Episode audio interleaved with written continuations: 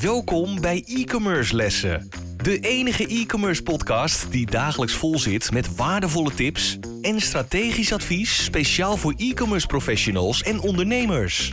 Gegeven door twee ondernemers met vele jaren aan ervaring die hun strepen verdiend hebben in de marketing en e-commerce. Laten we beginnen met het verhogen van jouw e-commerce kennis. Hier zijn je leraren, Dries de Gelder en Alexis van Dam. Eerst even een berichtje van onze sponsor. Je het ook belangrijk om hoger te ranken met je website? Zeker door de nieuwe update van Google met de Core Vital Update. En dan eens een kijkje naar je eigen website snelheid. Wij zijn zelf onlangs verhuisd uh, van een uh, zeer trage server waar we de naam maar niet van noemen.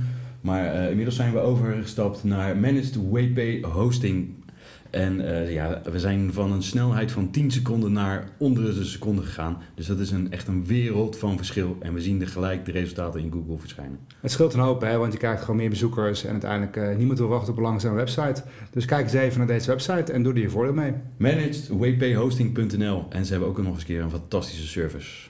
Les 88. Ik ben Dries de Gelder. Ik ben Alexis van Dam. Vandaag gaan we het hebben over het verkrijgen van reviews. En natuurlijk ook uh, testimonials. We scharen die voor het gemak even uh, bij elkaar. Hoewel natuurlijk het even uit elkaar moet trekken. Want een review is eigenlijk vaak wat iemand doet op basis van een uh, afgenomen product of dienst. denk aan elektronica, denk aan hotels, denk aan een product via webshop gekocht. Eigenlijk wat dan ook. Iemand koopt iets en vervolgens nou, vind je er wat van. hopelijk iets positiefs. Dan kan je natuurlijk dat delen. Of wat vaker gebeurt dat mensen iets negatiefs vinden en dat dan vaak ook uh, in ruime mate delen. Uh, dat is ook een van de dingen die wel gezegd moet worden met reviews. Dat over het algemeen de mens eerder geneigd is om te klagen in reviews als iets niet goed is, dan heel erg positief te zijn over iets wat wel goed is geweest. Um, de verhouding is volgens mij uh, 2 staat tot, of, 2 staat tot 1, waarbij 2 negatief is en 1 wat positiever, gemiddeld genomen. Um, dus dat is wel iets waar je even over na moet denken. Als je nog helemaal geen reviews hebt, um, waar je aan gaat beginnen. Maar, dat is ook wel een belangrijke maar, geen reviews is ook heel vreemd. Uh, het zou wel goed zijn om daarmee te gaan beginnen en het goed in te gaan zetten. En ook met name te kijken als er dan iets binnenkomt qua negatieve reviews. Um, wat kan je ermee? Is dat terecht? Er allerlei tools voor, komen misschien later wel even over te praten, of sowieso een andere keer misschien. Um, hoe kan je dat een beetje managen? Maar met name ook, hoe kan je ze ombuigen naar een positieve ervaring? Want daar gaat het uiteindelijk om. Zeker, maar uh, vooral van hoe gaan we ze krijgen, dat is het onderwerp. Uh, wat je ermee moet doen als je ze eenmaal gekregen hebt en wat doe je met een negatieve review, ja. is misschien iets voor een ander onderwerp. Maar uh, kort door de bocht kan ik daar wel even snel over zeggen van joh, als je een review, negatieve review krijgt, doe er iets mee. Uh, zorg dat je je product verbetert, zorg dat je je dienst verbetert, zorg dat je in gesprek bent met die consument uh, of met diegene die die slechte review heeft geschreven uh, en maak van deze klant, bezoeker, maak daar een ambassadeur van. Want als je vaak als je een probleem goed oplost, uh, kan dat omslaan naar een ambassadeur van je bedrijf in plaats van iemand die alleen maar negatief doet over jouw bedrijf. Uh, hoe verkrijg je nou uh, reviews? Ja, er zijn natuurlijk net wat je al zegt, diverse toolingsystemen die na een bestelling geautomatiseerde mails versturen. dat zijn opties. Ehm, maar je kan natuurlijk ook om vragen. en dat is ook gewoon als je bij je product een briefje bij stuurt om te vragen van joh beste klant, geef een review. Negatief, positief, maakt niet uit. Maar zorg in ieder geval dat u een review geeft. U, helpt ons daarbij. Eén, uh, leren wij van, uh, van de fouten die we gemaakt hebben. En twee, uh, van een positief feedback krijgen wij weer een opkikkertje. Waar we ook weer positieve drijf van, en energie van krijgen. En u helpt daarbij ons. andere kopers kunnen dan ook zien dat we een goed product leveren. dus help ons daarbij. ik heb ooit bij een, een klant aan tafel gezeten, bij een webshop aan tafel die uh, wilde uh, bol.com reviews uh, gaan krijgen. want die had er nog nul. Die is bij elke bestelling heeft hij een reep chocola gedaan. Met daar omheen een wikkeltje gedaan. Van alsjeblieft, hier heeft hij een reep chocola. Maar vergeet alsjeblieft geen review te schrijven. Nou ja, dat is natuurlijk een leuke attentie om een review te schrijven. En waarschijnlijk is die dan ook al een stukje positiever dan misschien als je de slechte service had gegeven of weet ik veel wat. Maar een stukje chocola daar word je vrolijk van. En, uh, ja. ja dat, dat, is extreme marketing en dat is eigenlijk ook wel... Uh, het werkt ook. Het, het werkt ook gewoon, ik bedoel, hartstikke logisch. Um, Nou, hoe krijgen ze nog verder? Um, nou, uiteindelijk heet het om vragen wat Dries uh, terecht zegt, uh, zijn een goede methoden. En nou, mocht je nog helemaal niet zijn begonnen met reviews, wat natuurlijk ook nog best, best kan, moet je natuurlijk ergens beginnen. Het is ook vaak, ja, van 0 naar 1 is lastig. Van 1 naar 2 is ook vaak nog wel lastig. En op een gegeven moment van 10 naar 20 wordt het steeds makkelijker. maar je moet ergens beginnen. En in het eerste prille begin zou je dan toch uh, na het echt even moeten vragen bij trouwe klanten of recente klanten van goh, zou je me kunnen helpen? uiteindelijk zijn mensen over het algemeen wel geneigd om mensen te helpen, mits het toch een klein beetje een win-win is voor beide partijen. Dus dan zou je naar het, uh, denken aan een reep chocola of, of aan iets anders. Um, misschien een klein beetje korting of, of een leuk artikel of een blog of een e-book. Of nou, enig van iets wat een beetje interessant is voor degene die het vraagt om daarmee eh, te helpen. Uh, want uiteindelijk, zo'n review helpt natuurlijk ook een andere persoon een keuze voor jou te kunnen gaan maken. En dat is uiteindelijk heel erg belangrijk dat je dat, dat ook doet. Um, overigens wel een dingetje wat recentelijk in het nieuws is geweest. Um, dat voor mij het, het maken of het geven van onjuiste reviews, fake reviews, dat wordt, wordt wel strafbaar. Dus, dus hou daar wel in die zin rekening mee dat het wel een echte review is. Ik weet niet precies hoe, dat nou, hoe ze dat gaan um, um, inzichtelijk gaan maken, hoe ze dat gaan na, nagaan. Maar het is wel iets wat natuurlijk steeds belangrijker is geworden. Want denk even, nou, wat gebeurt met reviews? Als je kijkt naar hotels of bij webshops, mensen gaan naar een product kijken, ze kijken de laatste 5 à 10 reviews. En als dat een beetje overtuigend is, dan, uh, dan kiezen ze voor jou. Is dat niet zo, dan gaan ze niet voor jou kiezen. Dus de waarde van een review is eigenlijk zodanig belangrijk geworden, wat natuurlijk ook dan gelijk weer allerlei andere zaken in de hand werkt, dat mensen daar alle dingen mee gaan doen. Dus uh, het wel uh, zuiver. Uh, maar goed, hè, eh, vrienden helpen elkaar, een vriendendienstje in de zin van, goh, zou je kunnen helpen met zijn review? Dat is in principe nog steeds dan wel ja, juist in die zin. Ja. Wat ik ook vaak zie is, of tenminste wat ik in het verleden wel heb gedaan bij eigen webshops, als je dan vooral bij productreviews, dan staat het heel knullig als er nog niet één review is.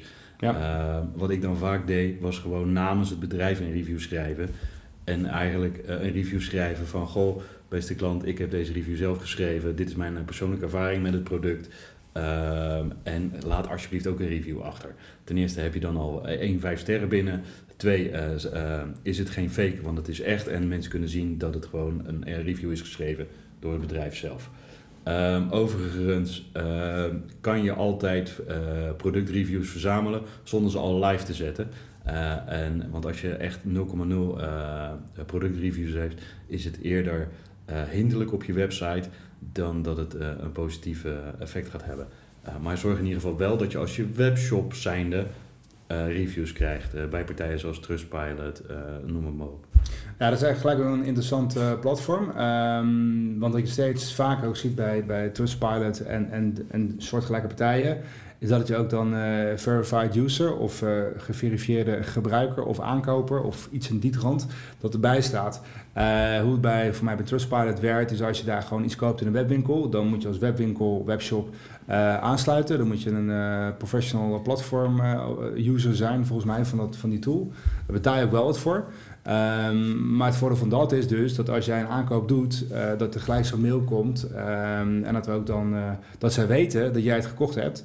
En daarmee ook dat jij in staat bent om review te geven.